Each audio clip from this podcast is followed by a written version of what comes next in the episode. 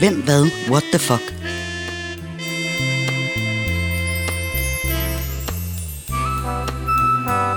Et nedslag i et legendarisk opslagsværk fra før internettet blev født.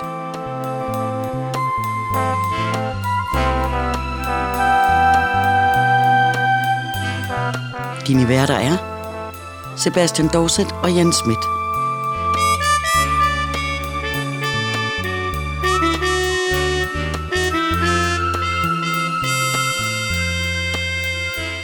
Denne gang er nu 1961.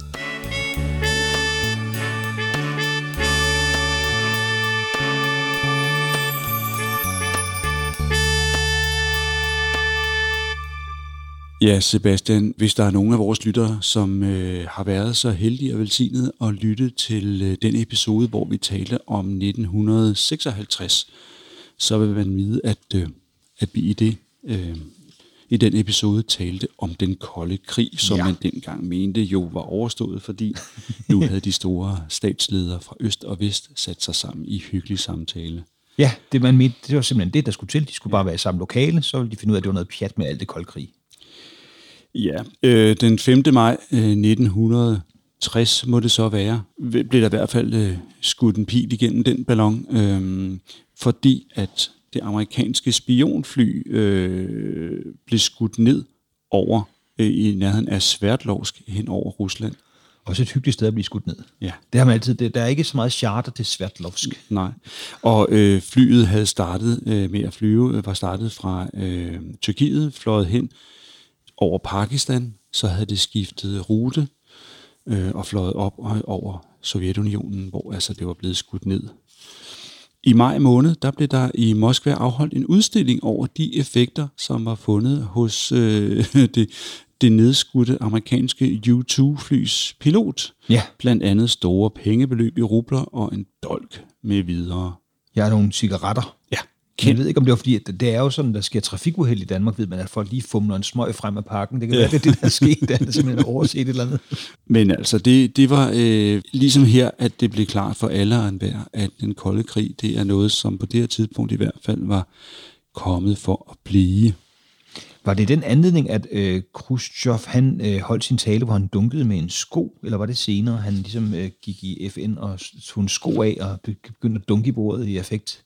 Se, den episode kan jeg ikke huske, det er derfor så rart. Det er så rart at have dig her i podcast. det er ligesom for at understrege sit ord til, ja, ligesom, de, de, ja. de, lytter ikke til, at jeg tror med verden med øjeblikkelig atomar undergang. Hvis jeg nu tager min sko af og giver en lille bank, så ved de, at det er I mean business.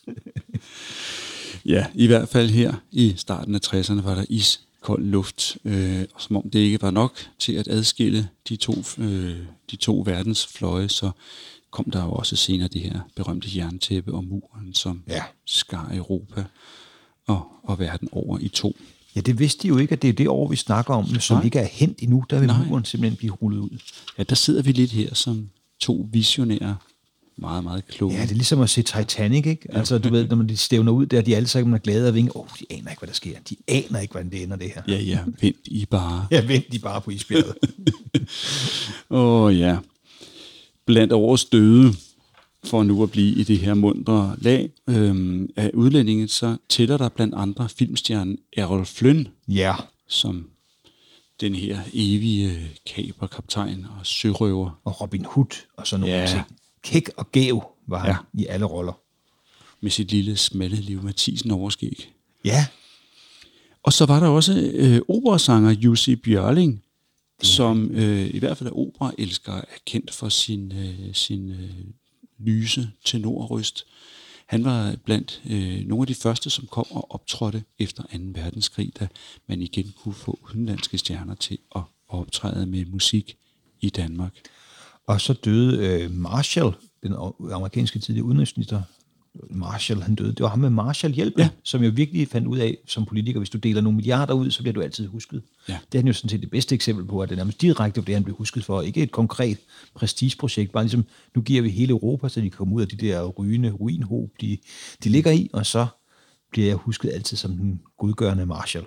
Ja, især hvis man øh, påhæfter den her rigtig, rigtig effektive virksomhedsmodel, som hedder, I får en masse millioner med den lille klausul, at de skal bruge dem i vores butik. Ja, det er selvfølgelig altid godt. Ja. Så døde Camus også. Albert. Camus, den Åh, ja. franske forfatter og filosof. Ja. Så vist nok kørt galt i bil. Nå, se det igen. Dejligt at have dig. Han skulle også tænde en cigaret. Han skulle også tænde en cigaret. Så øh, falder jeg altså over det kapitel, som hedder Bemærkelsesværdige folkefester fra fremmede lande. Og det er godt tænkt. Der må vi, give, der må vi knipse på bagkant af ja. hvor, ikke? Ja, det er, det er rigtig godt. Blandt andet vil jeg gerne fremhæve den engelske Guy Fawkes dag, som jo handler om den her legendariske, øh, den her legendariske, ja, hvad kan man kalde ham, frihedskæmper eller, øh, eller rebel. Ja. Øhm, Guy Fawkes havde jo planer om at, øh, at springe hele parlamentet i luften. Ja, Og det var- han havde, havde gjort det på den her snedige Olsenbanden-agtige plan, som Erik Balling og Henning Bas ikke kunne have gjort ham efter.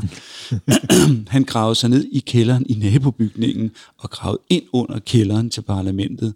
Og inde under kælderen i parlamentet, der anbragte han en masse krudt og metalstykker, som så skulle øh, sprænge det hele i luften. Ja, På vej ned for at tænde lunden, så blev Guy Fawkes pågrebet og indrømmet, at det var ham, der havde gjort det, eller havde tænkt sig at gøre det i hvert fald. og så fejrer man det i dag med fyrkeri, hvilket ja. jeg synes er lidt mærkeligt. Ja. Det ja. tænker jeg også var det, du havde undret dig over. For at sige, det lykkedes ikke for Guy, men nu skal vi give et ordentligt brag her. Ja, det svarer lidt til, at man om mange, mange år vil, øh, vil, vil fejre 11. september ved at ja, fyre, fyre fyrværkeri eller sende nytårsraketter ind i huset. ja. Ja, det, var jo lidt der om et par år i forhold til vores fine bog, der bliver, bliver Kennedy, John F. Kennedy jo begravet. Der havde de også en salut hen over hans grav med rifler. Det ved jeg ikke, om det er det mest passende heller. Nej, fra høje bygninger nedover. Præcis. De lagde garden op på en høj bygning, så de kunne skyde ned på graven. I Slovakiet, om på næste side, øh, øh, som er den østlige del af Tjekkoslovakiet, der fejres endnu den dag i dag en række gamle folkeskikke. Til anden påskedag er knyttet en tradition, at mændene pisker i citationstegn konerne, indtil de overgiver sig og uddeler farvestrålende påskeæg. Ja.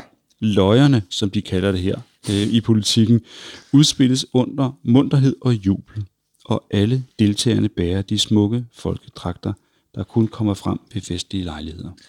Det er nok en af de der traditioner, som ryger i den næste MeToo-bølge. Må ikke, må ikke. Og så øh, kører vi lige lynhurtigt forbi øh, en opsummering af, hvad, hvad Thanksgiving-dagen i USA jo egentlig dækker over. ja.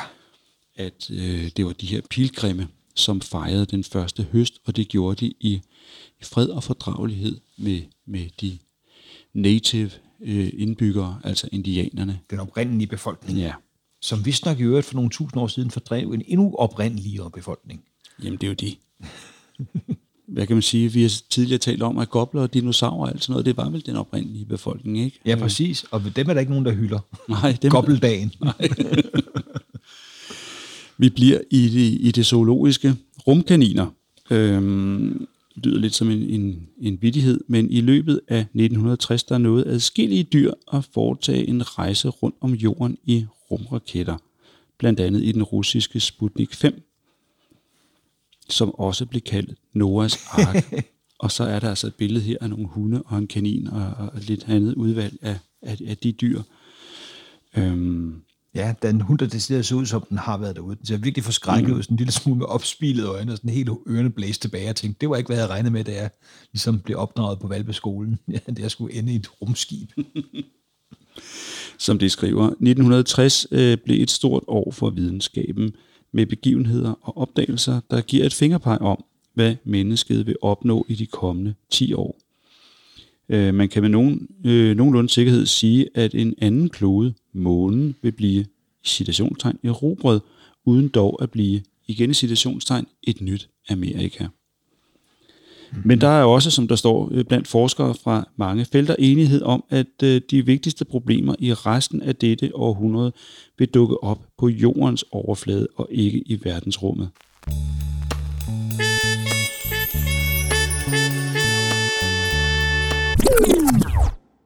Vi talte om øh, for et øjeblik siden om jerntæppet. Øh, her er der en lille artikel på en halv side med en dejlig lille grafik om Berlins forbindelsesveje mod vest. Ja. På det her tidspunkt, hvor øh, russerne jo strammer grebet om øh, den, øst, øh, den russiske sektor, det senere Østtyskland, der gør de det jo faktisk kun muligt for øh, Berlin, altså den, den frie del af Berlin, eller den vestlige del af Berlin, at komme i kontakt med omverdenen via tre øh, lufttunneler. Øh, og det drejer sig simpelthen om, at det er ruter, luftruter, som øh, tre, som går ud af Tyskland. Den ene mod Hamburg, den anden over mod øh, Holland, og den sidste ned mod øh, Frankfurt. Sådan en 30 km bred øh, luftkorridor, som man kalder det. Ja, nu er det lige se, hvad der sker, hvis man flyver uden for luftkorridoren, så man skal lige passe på som pilot, at man ikke tænder sig en cigaret, som vi siger. Ja.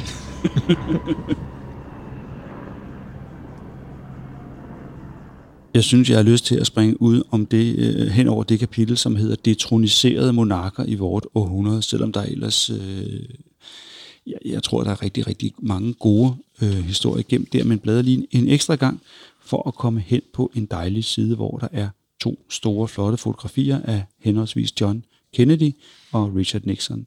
Ja. Og overskriften, en af disse to er i dag USA's præsident. Ja, der må man sige, at de har fået noget øh, cliffhanger ud af deres deadline-dag, mm. at de ikke rigtig kunne få med helt frem til, til der i, i november, når de, når de træffer beslutningen, vælgerne i USA. Så har de ligesom sagt, øh, det må være en af de her. Ja. Ja. Det har de jo ret i. Ja. Og øh, det leder os direkte ind i kapitlet, hvem er hvem nye navne i storpolitikken. Nemlig. Og det er lidt hyggeligt at se øh, øh, folk, som man ved igen med bagklogskabens ulidelige klare øh, velsignelse, at man vil komme til at beskæftige sig med. Øh, med nye navne, det er blandt andet Leonid Brezhnev. Ja, som ser virkelig ud som sådan en... Øh, enten en vild, øh, en skør forsker i en film, eller også det øh, kreatur, som forskeren frembringer. Ja. En, en blanding af de to ser han ud som på en måde. Sådan lidt øh, vild i blikket med kæmpe øjenbryn og sådan lidt skæv i hovedet. Så det er ikke et flatterende billede af unge Leonid. Nej, og til lytteren skal man lige forklare, at øh, de her øjenbryn, som øh, man, man senere husker Bristol for, de er faktisk ikke særlig udvokset her endnu på det her tidlige portrætbillede. ham. Han fik jo Ole Ernst til at sige, så trim dog de øjenbryn.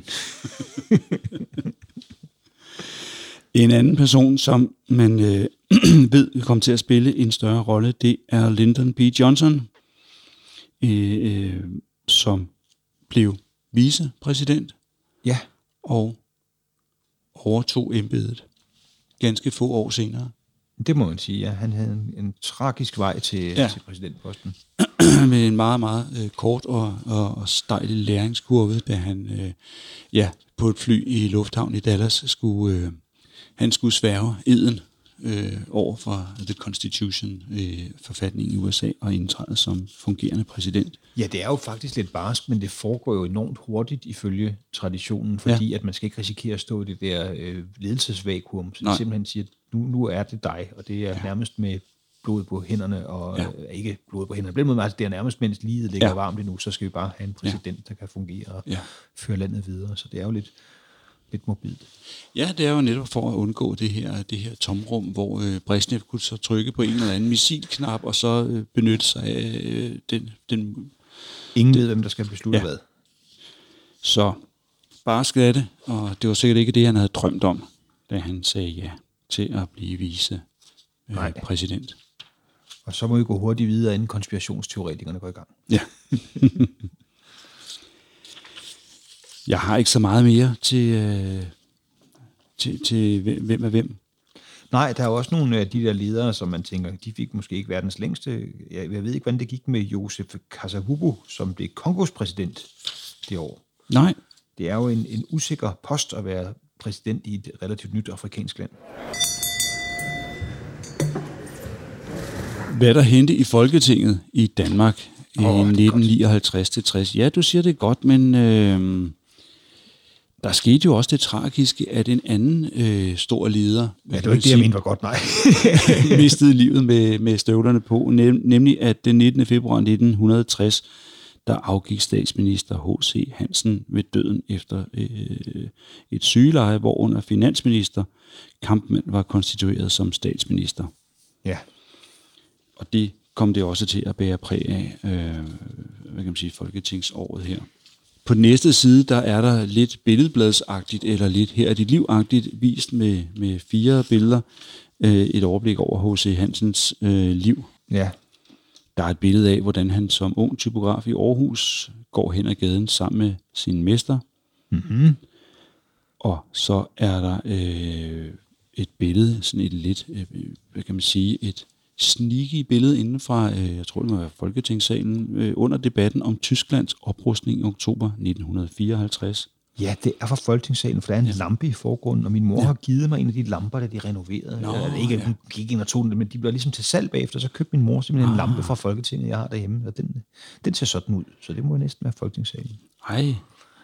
Så er der et billede af, øh, hvor H.C. Hansen sidder ved de forenede nationers generalforsamling i oktober 1953. Og så er det sjove billede, et billede fra, ja, det, øh, ja, det må næsten være fra Tivoli, fra, fra radiobilerne i Tivoli. og billedteksten er, øh, som vært for Pandit øh, i juni 1957. Altså en udenlandsstatsleder, Som, Som underholdes. og det, bliver, det sker ved, at statsministeren tager en tur i radiobilerne i Tivoli med denne her statsleder. Altså, man banner meget om det her spindoktor-regime, vi har indført, hvor der sidder ko- kommunikationsrådgiver i alle led, men måske havde det været, altså noget, noget har de jo gjort godt, at man ikke har det her billede, hvor de sidder af en eller anden grund, har han valgt en mand fra et stakkels udviklingsland, der kæmper mod alle hånde problemer, og siger, du skal i radiobilerne og lære at støde ind i andre vestlige mennesker, det er jo, der kan næsten ikke komme noget godt billede ud af det, men det ser meget hyggeligt ud. Det var dog ikke alene øh, død og øh, tragedie, øh, og dog fordi øh, under rubrikken andre spørgsmål, som blev behandlet i Folketinget det år, står der så om, at Axel Larsen og senere Venstre og Konservative de fremsatte forslag om rigsretstiltale mm. mod den forhåndværende grønlandsminister Kjærbøl med påstand om, at øh, det er øh, den foretagende kommissionsundersøgelse fremgik, at han havde givet Folketingets u, Folketinget ufyldesgørende oplysninger om kaptajnernes syn på vintersejlads på Grønland, øh, i det han besvarede et spørgsmål af folketingsmand øh, August Lynge, der omkom ved Hans Hedtofts tragiske forlis. Ja, og det var det her grønlandsskib, som, som sank og nærmest forsvandt. Man vidste ikke rigtig, hvad der skete med det i, i, i en årrække. Er det, ikke, er det ikke nogenlunde korrekt husket? Jo. Og det var selvfølgelig en kæmpe skandale, at hvordan kunne det ske? Og så har man så fundet ud af, at det, det skulle nok ikke have været der på det tidspunkt, for der var det ret farligt at sejle ja. i det. Ja, ja, alle, der vidste noget om arktisk sejlads, vidste, at ja, selvom det er et stærkt og sødygtigt skib, så er det altså halsløs gerning og lige begive sig ud lige på det tidspunkt, ja. hvor, hvor man absolut mente, at man skulle sejle med hans hedtoft. Ja, og det har øh, August Lynge så spurgt om, og nu, nu er jeg bare fordom til, det lyder lidt som en, både August og Lynge lyder lidt som en mand fra Grønland. Ja. Så det har nok været en, den grønlandske, en Ja. de to grønlandske medlemmer, der har sagt, det kan vi ikke det her, og så er han selv ombord på skibet, da det synker. Det er jo en tragedie. Ja.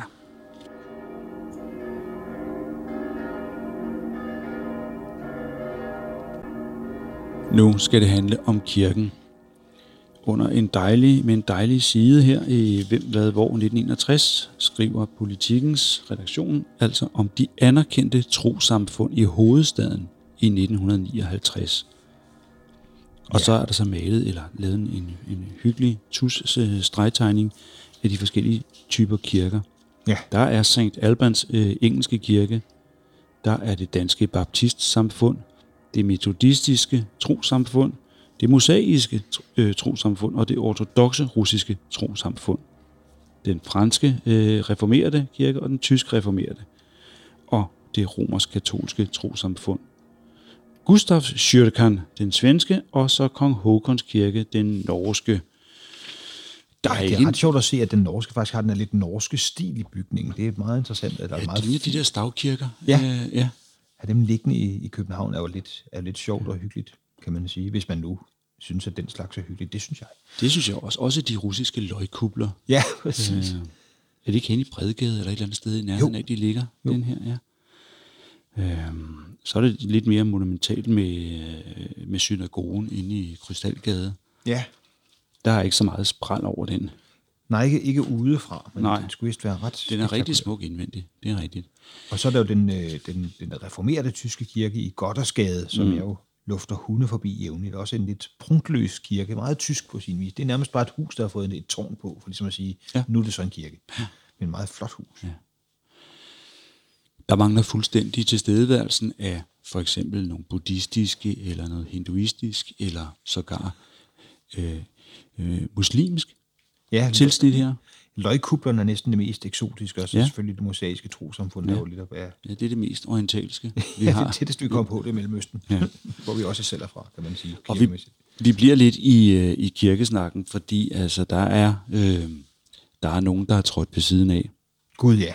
Der, Der er en oversigt over ni kirker i Danmark, hvis tårne vender mod øst og ikke mod vest. Ah, men altså, der er nogle arkitekter, der står og tænker, nej, nej, nej, sagde du øst? Nå, øst. Ja, nej, den anden øst. ja, det synes, jeg synes, skal den vende fra øst. Nå, okay. Og man har ikke tænkt sig at uh, lade dem dø i synden, man har simpelthen tænkt sig at afde kirkerne, så her kommer de læst lynhurtigt op fra listen. Det drejer sig om Kærby Kirke, om Gerlev Kirke, Vesterø Havn Kirke, om Krejme Kirke, Bringstrup Kirke, Jerndrup Kirke, Halk Kirke, Gerarup Kirke og Stepping Kirke, som altså alle sammen har tårne, der vender mod øst. Så ved man det. Lidt fjollet er det jo, kan man sige. De kan jo kigge på rigtig mange andre kirker og sige, hvilken vej skal den så vende? Den skal mm. vel vende mod vest. Men det har de ikke rigtigt. Lægger også mærke til, at dem ligger ret tæt på hinanden, nemlig øh, Kærby og Gerlev. De ligger nærmest op ad hinanden. Så det er som, Ja. at de har tænkt, Nå, det er åbenbart sådan, man gør. Vi kigger ja, på nabosovnen. lige- Nå, det gør de derovre. Det gør vi også. Ja. ja, det er jo fjollet. Ja. Også ned omkring Fredericia-området er der også et par stykker, der lige har lagt sig lidt bogstaveligt talt op ad hinanden med hensyn til, hvilken vej man vender.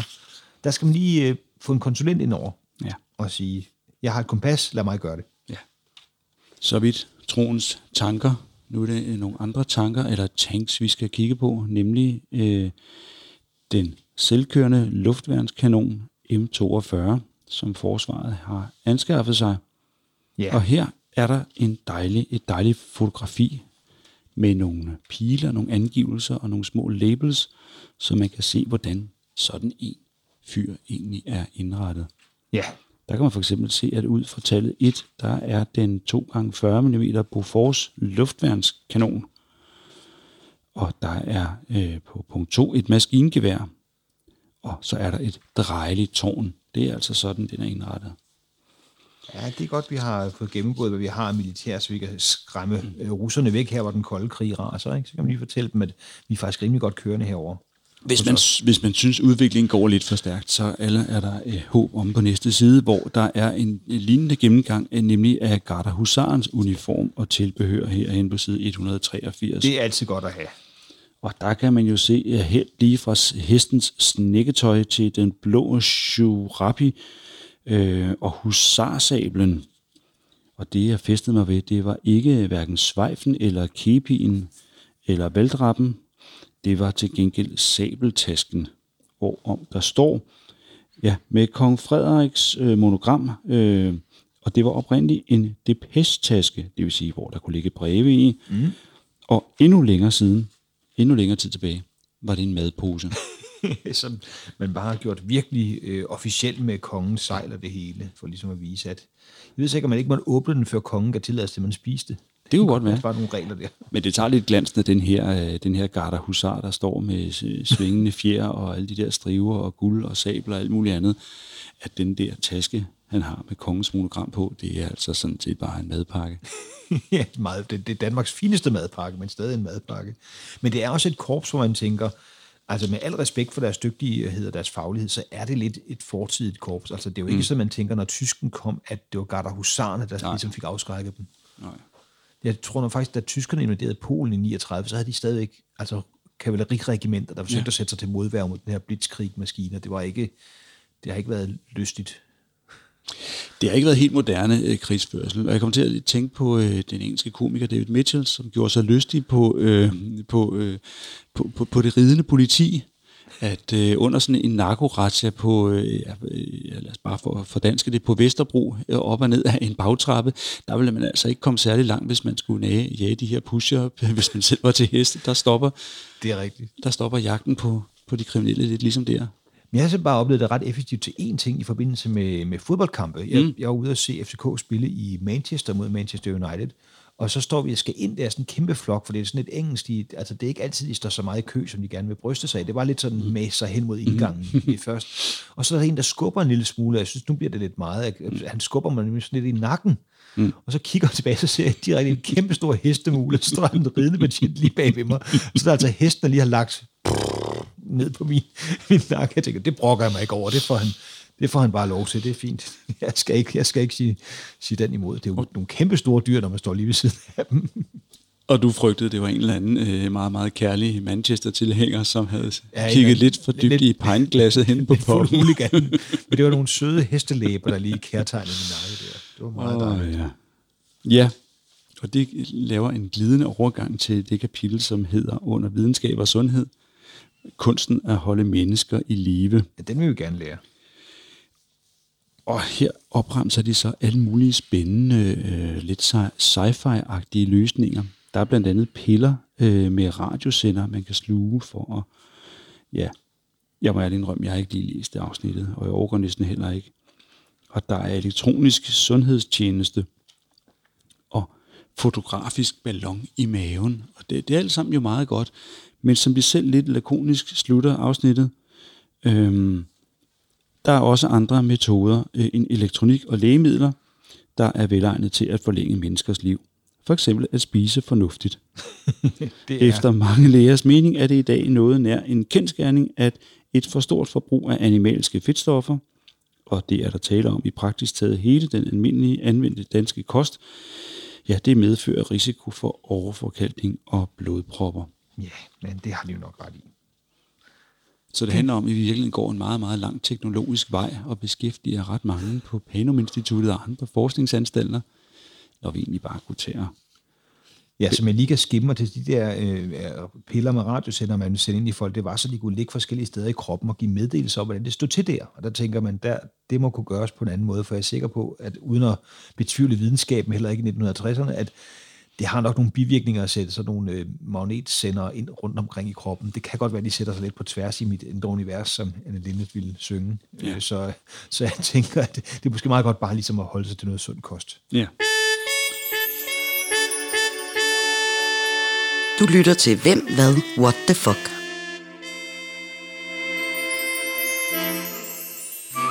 En podcast med nedslag i et legendarisk opslagsværk fra før internettet blev født.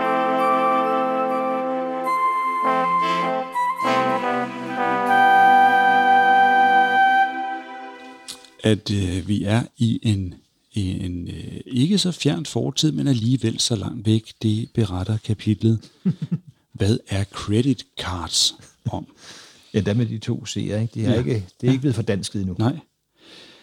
Det almindelige kontosystem, vi her øh, hjemme oprindeligt kender fra stormagasinerne, og som vinder større og større udbredelse, altså her i 1960, senest hos de store olieselskaber, der bruger det ved levering af benzin til bilister – det har i USA slået an i en sådan omfang, at man i dag kan købe næsten hvad som helst uden brug af kontanter eller checks, men blot ved forvisning af, et, af sit credit card, eller som det hedder på dansk, et kontokort. Det lyder noget mindre sexet, ikke? Ja. Det er altså forløberen for det kontantløse samfund. Ja.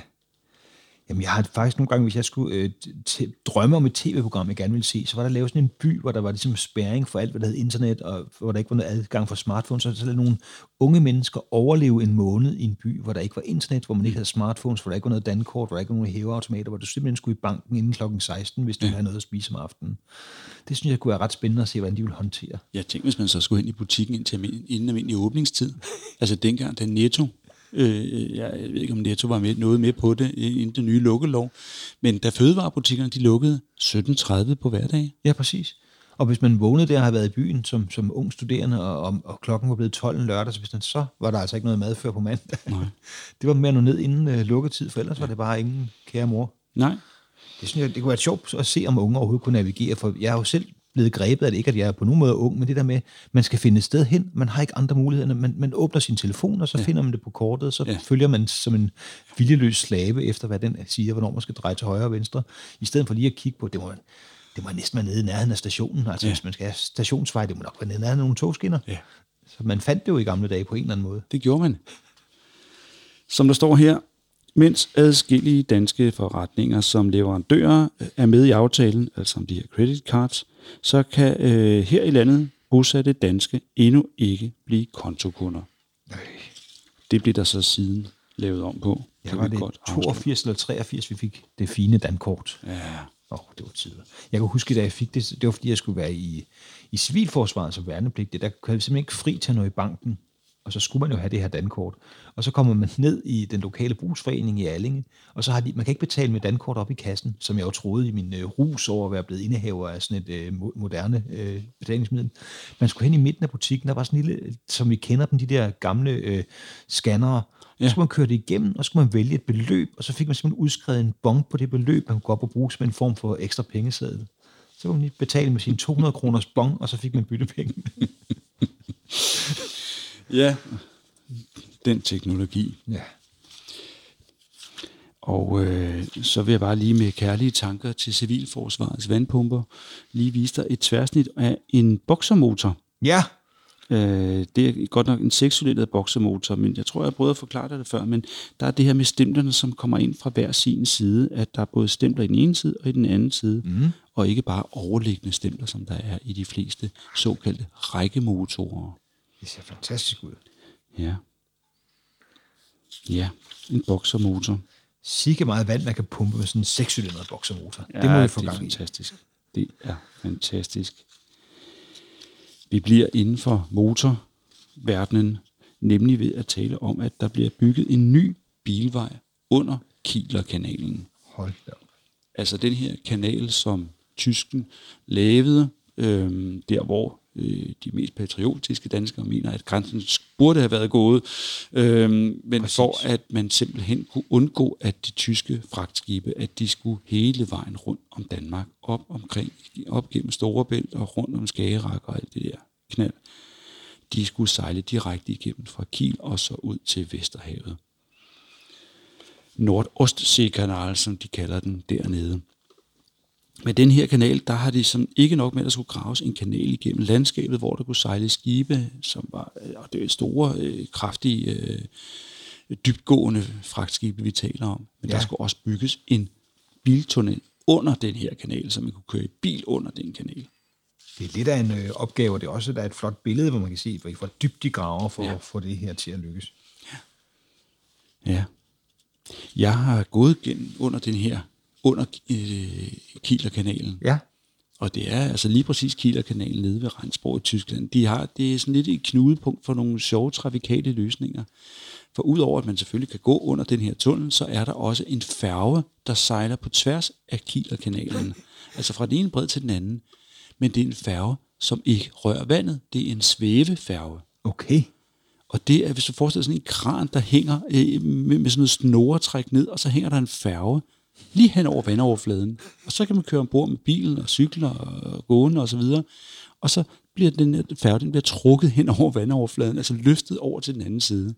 En svævefærge. Det lyder som om det er sådan et laboratorium for færdselsløsninger, hvor de bare sidder og sagt, hvad kan vi gøre, der ikke er det helt normale? Lad os lægge vejen under kanalen, i stedet ja. for at bygge broer. Det er den eneste praktiske løsning. Og have en færge, der ikke rører vandet. Ja, det er simpelthen så fjollet. De har ligesom den der markeringsting, eller den der, der kabel på tværs, kunne de ikke bruge det til en form for bro, når det nu Ja. er der? Præcis. Eller bare lave færgen rigtig lang, så den ligesom når i begge ender. I det hele taget kan det være svært lige at gennemskue internationale afmærkninger og internationale trafikløsninger. Her er der lige på hende på side 2, 305, er der nogle tavler, nogle færdselstavler, og en, som jeg aldrig nogensinde har set før. Vi kender alle sammen øh, den kendte tavle for, for motorvej. Ja, motorvej begynder, og motorvej ja. hører. Ja. Og den hedder altså her dobbeltsporet motorvej, og det tror jeg altså er de her to striber, som går hen øh, under den her motorvejsbro, ja. Ja. som går på tværs. Vidste du, at der også findes noget, som hedder enkeltsporet motorvej begynder? Det er, tror jeg altså også, man har afskaffet af logiske årsager. For Ja. grunden til, at man må køre stærkt på motorvej, er jo, at man ikke risikerer, at der er modkørende. Og det gør man jo netop kun ved at lave flere spor. Det kan også være en hel strækning, der er ensrettet. Vi skal, bare, smart, vi skal ja. simpelthen have folk fra København til Roskilde. I skal ikke komme tilbage. Det virker som noget, der er opfundet ned omkring Kielerkanalen. det kunne det sagtens være. Ja, øh, vi bliver lidt i udlandet skal tale lidt om turisme, fordi her har politikens overbog valgt at lave en, en øh, under rubrikken prikken over i en oversigt over særprægede seværdigheder i de førende turistlande.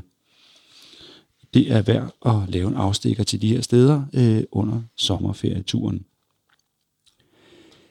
Der er alt lige fra tips for smuglere, hollandsk, øh, det hollandske skat- og tolvmuseum øh, i Rotterdam, populært kaldet for Smuglermuseet, de har øh, på en morsom måde vist øh, forskellige knep, hvor man kan smule forskellige genstande. Der er et billede over til højre, hvor der står, denne erhverdige slidte bibel har også ved hjælp af en lille udskæring i indholdet været anvendt til indsmugling af cigaretter.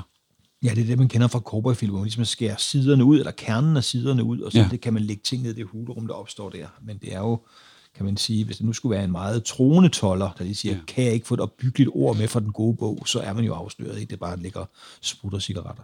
Med mindre man faker det, og så lægger hånden på Bibelen og citerer frisk fra hukommelsen. Hvis man kan den udenad, er man meget stærkere stillet som uh, smugler. Det skal vi huske at oplyse eventuelle smuglertyper om, at det er lige godt at kunne Bibelen udenad.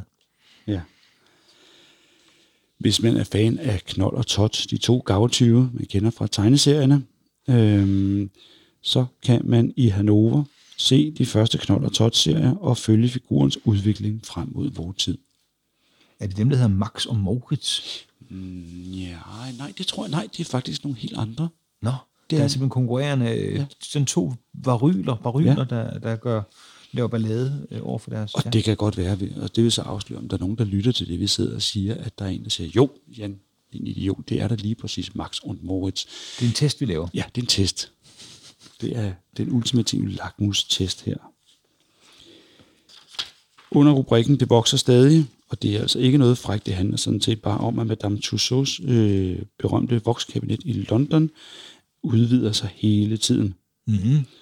Og der de råder folk til, de besøgende til, at man skal holde en, en, holde en ledsager i hånden, når man går ned i kælderens redselskabinet. Der skal gode nerver til at det lyder som, at de ikke rigtig har oplevet de splatterfilm, der senere er kommet til. For jeg har kun set, det, det er mest gys over, når jeg ser øh, reportager fra det Voksmuseum, det er, hvor, hvor skræmmende folk ser ud, når de er lavet i voks. Man kan godt se, hvem det skal være, om det ser sådan helt fortegnet og stift ud som mennesker, der har fået uendelige mængder Botox, uden rigtig selv at opdage det. Der er også turisttips øh, tips til Danmark og til vores nærområder. En tur gennem Sønderjylland. Det er jo meget relevant her, de her coronatider, Ja. at holde ferie i eget land. Det er det så vist her, hvis man finder, hvem der hvor 1961, så er der en fin guide. Ja. Med start i Kolding kan man begive sig mod vejen og Ribe, hvor der er, ja, i Kolding kan man jo, for lige at vende tilbage, se øh, Koldinghus, Ja. det gamle slot, og i Ribe så er der jo både Domkirken og nu i øvrigt også et, et ganske øh, fint og fornemt heksemuseum. Nå ja, og så er der jo adgang til Rømø og det hele. Mandø, oh, undskyld, og det ja. ja. hele Vadehavsmuseet derude, og det alle de fine sager. Hvis man øh, ligesom kører igennem og følger grænsen og går lidt længere over østpå, så kan vi jo komme til nationens vugge. Der er Dybel Mølle og ja, Dybel Banke og alle de steder omkring Sønderborg øh, over øh, hen mod Als. Ja. Og Bog. Ja, Ja, vi havde venner, der, mine forældre havde venner, der boede i Borg. Jeg havde en god øh, ven i familien der, en dreng på en dreng, en ung mand, en ældre, i dag en ældre herre på min alder. Ja. Ja. Og vi har sørme også været i Borg. Det var, det var meget fascinerende for mig som dreng der med, at, at det er så åbent dernede, hvornår man er i Danmark, hvornår man er i Tyskland. Når man gik tur, så sagde faren i huset, nu er vi jo i Tyskland. Ja. Så som dreng var det jo helt magisk, at man havde krydset en grænse, og ingen rigtig lige præcis vidste det. Var, det var vist derhen i krattet et sted, der var, det var Danmark igen. og det er før den europæiske union og Ja, ja. Øh, alt det her. Det er også de ting på, at det er for langt, at man skal stoppe disse smuglere, og tænke, altså, hvordan? Det er jo, det er jo fuldstændig gennemhullet, det er jo 68 km. Eller Ja, så kører vi lige 500 meter længere ud af den her markvej, og så går vi over derude. ja, præcis. Jeg hælder over en mark. Bare. Ja, ja. Og på næste side, der er vi lige gået en tand længere sydpå. Vi går en tur gennem Sydslesvig nemlig, og det vil jeg bare lige nævne, fordi det er jo her, hvor mine fædrene aner kommer fra. Der ser man netop, at øh, ja, man starter i Flensborg og går langs hervej nedad mod Slesvig. Og hvis man så går op langs øh, Slien, som den her fjord jo hedder, op mod Kappelen, så i det trekantområde, det er faktisk lige der i Sønder Brarup, som Nå. man kaldte det på dansk i Syder Brarup, at min far blev født. Ej, hvor fint. Så det er dernede, jeg har trådt mine, mine, mine barnesko. Nede ved Dannevirke. Ja, Denne fine befæstning, der aldrig rigtig havde den voldsomme effekt på, på eventuelle eliminationer hvis man, og der er netop også punkt 9, Regnsborg, øhm, og jeg skal se, om de har nævnt nogle af alle de her ting, som jeg har påstået, man kan få dernede. Nej, der er bare gamle huse, og så er der broen over kanalen, nævner de nede i Regnsborg. Et andet skægsted, der er sådan en, en, en øh, nede ved Lindavnis, Lindavnæsset, der er der en meget speciel jernbanebro, som dels kunne vippe op, men som også dels havde den meget øh, panikfremkaldende ting, at der var et spor, som blev delt mellem bilister, altså i en retning, der kunne ikke køre to biler ved siden af hinanden, eller tog. Så man skulle altid lige tage tilløb og kigge øh, fremad og bagud, når man skulle køre over for at se, kommer der tog, eller bliver jeg midt ude på Lindavnisbroen, bliver jeg spidet af det her godstog på vej mod Eckernförde. Så vil man jo nyde, hvis den nye folkevogn var kommet op på 34 hestekræfter, når man nu lå der og skulle køre fra et tog, der, der forfulgte en med hornet i bunden.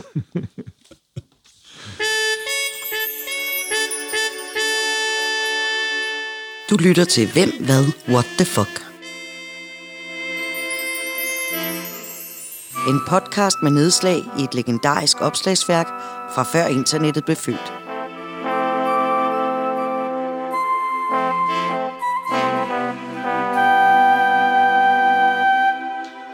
Vi skal tale om fjernsynet. Oha. Kendte ansigter i fjernsynet. Og der er en side her med dejlige portrætbilleder af kendte ansigter i det danske fjernsyn.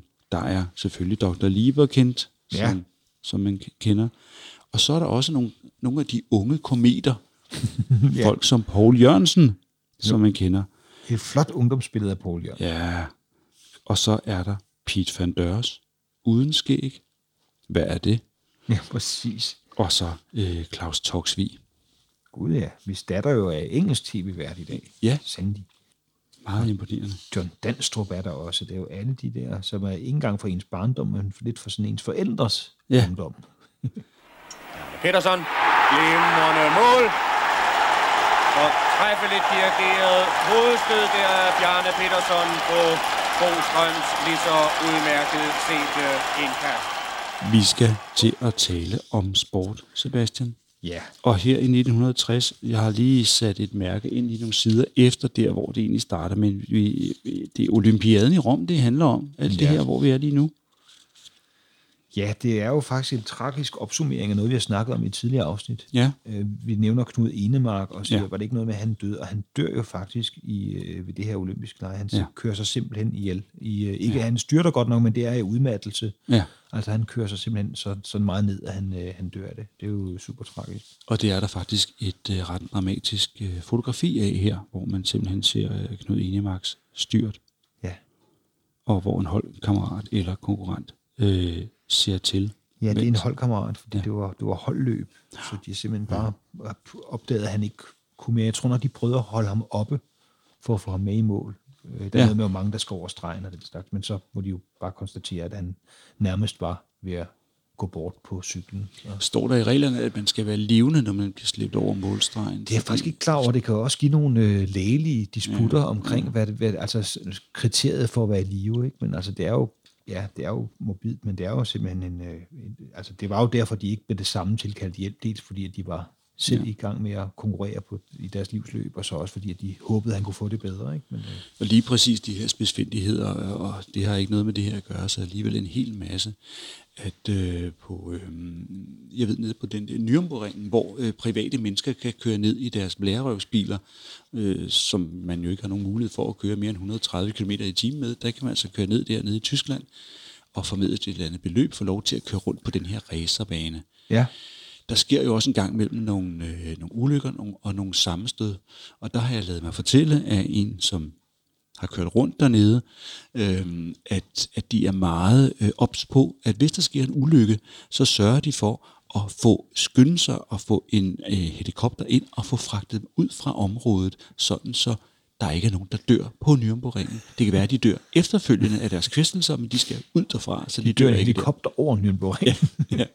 Ej, det, det er morbidt, men Ja. alligevel, ja. Men der skete jo også andre ting ved, ved disse OL i 1960. For eksempel var der jo boksning, Ja. der står lige over billedet. At ja. I let sværvægt var der en vis Cassius Clay, der vandt no. over en polak, der hedder Szabinje Pietrykowski fra, ja, fra Polen, som polakker ofte er. Ham den første, synes jeg da, man har hørt om. Han blev vist til noget lidt senere. Øh, først tog de hans guld fra ham, fordi han ikke ville øh, i militærtjeneste i Vietnam, og så kaldte han sig Muhammad Ali og kom tilbage, og så gik det senere vist nok meget godt, som Shubidua ville sige. Ja. Meget godt gik det også for øh, det danske fodboldhold jo.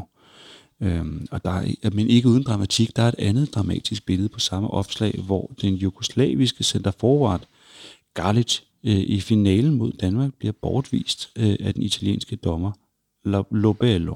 Lubello. Og det ser meget... Ja, det er en meget italiensk dommer, der peger, manden er allerede ja. på vej ud, men han peger efter ham og siger, du skal gå. Men altså, det er ikke, han ser ikke specielt brødbetynget ud, den her, øh, den her øh, jugoslaviske spiller. Han minder faktisk mest lidt om øh, øh, Cantona, øh, da han havde øh, hvad hedder det, forrettet det her cirkelspark mod en fan, og, og sådan set også bare gik derud fra med en eller anden alfa-macho-attitude. Ja, præcis. Han er ikke sådan lidt. Eller macho, som Frank Jensen ville have kaldt det. Men vi tabte jo den finale på trods Ja. af udvisningen Ja. 3-1, men det var jo det store 1960-hold, der klarede sig Ja. ja. så flot ved OL og kom i finalen. Ikke? Og det er, var jo kendt som en af de største danske fodboldpræstationer som landshold nogensinde. Ikke? Ja, og det er også pro- profiler, som vi senere har lært at kende. Øhm, Tommy Troelsen, Harald ja. Ja. Nielsen, Enoch, Henrik Enoksen. Øhm, ja, Og så på mål Henry From, den Ja. ja. for sit tykkegummi på stolpen, så kendte målmand.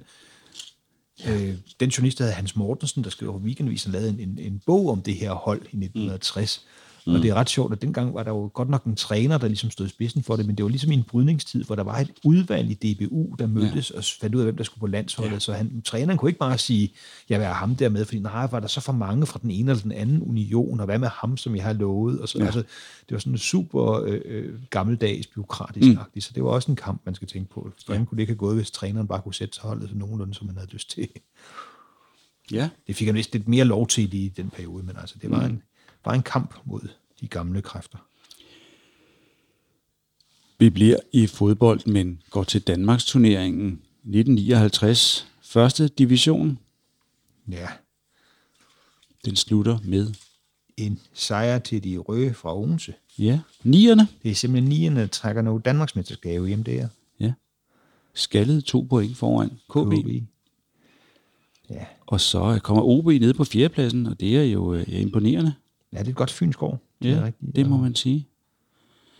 Og B1903 helt nede på en 10. plads foran Køge og B93, som Ja. er bundskraberen. Men Per Jensen fra KB blev topscorer med 20 mål i de 22 kampe, så det har været fint. Hvad med, hvad med Vandløse? Finder vi dem i Ja, dem, 3. division? Ja, dem finder vi nede i midten af 3. Div- 3. division, hvor vi plejer, var jeg lige ved at sige. Var det i de år, hvor Bjarke Petersen, som vi hører, Bjarne Petersen, som vi hører i, i jinglen til sportssektionen, Og det var lige tidligt nok, men det var nok været de her år, hvor, øh, hvor så småt, at Finn Laudrup begynder mm. at gøre sine hoser og sine knæ grønne i vandløse, for senere i 1967 blive årets spiller i vandløse. Nej, det lille klip her, som vi lige har hørt før med Bjarne Pettersons øh, velrettede hovedstød mod OB, det er fra pokalfinalen i 1974, som okay. Vandløse vinder med tenniscifrene 5-2 over OB. Ah, men altså, det er godt, vi fik det med. Ja. Godt, vi fik det med. Og jeg lover, at det er ikke sidste gang, at jeg skal bringe det på banen. Det må du love. Det vil, jeg, det vil jeg blive meget ked af, hvis det var. Ja, men altså Sebastian, på den måde, så kom vi igennem 1961 udgaven af Hvem Hvad Hvor, dette fantastiske, legendariske, øh, outdated opslagsværk fra politikken.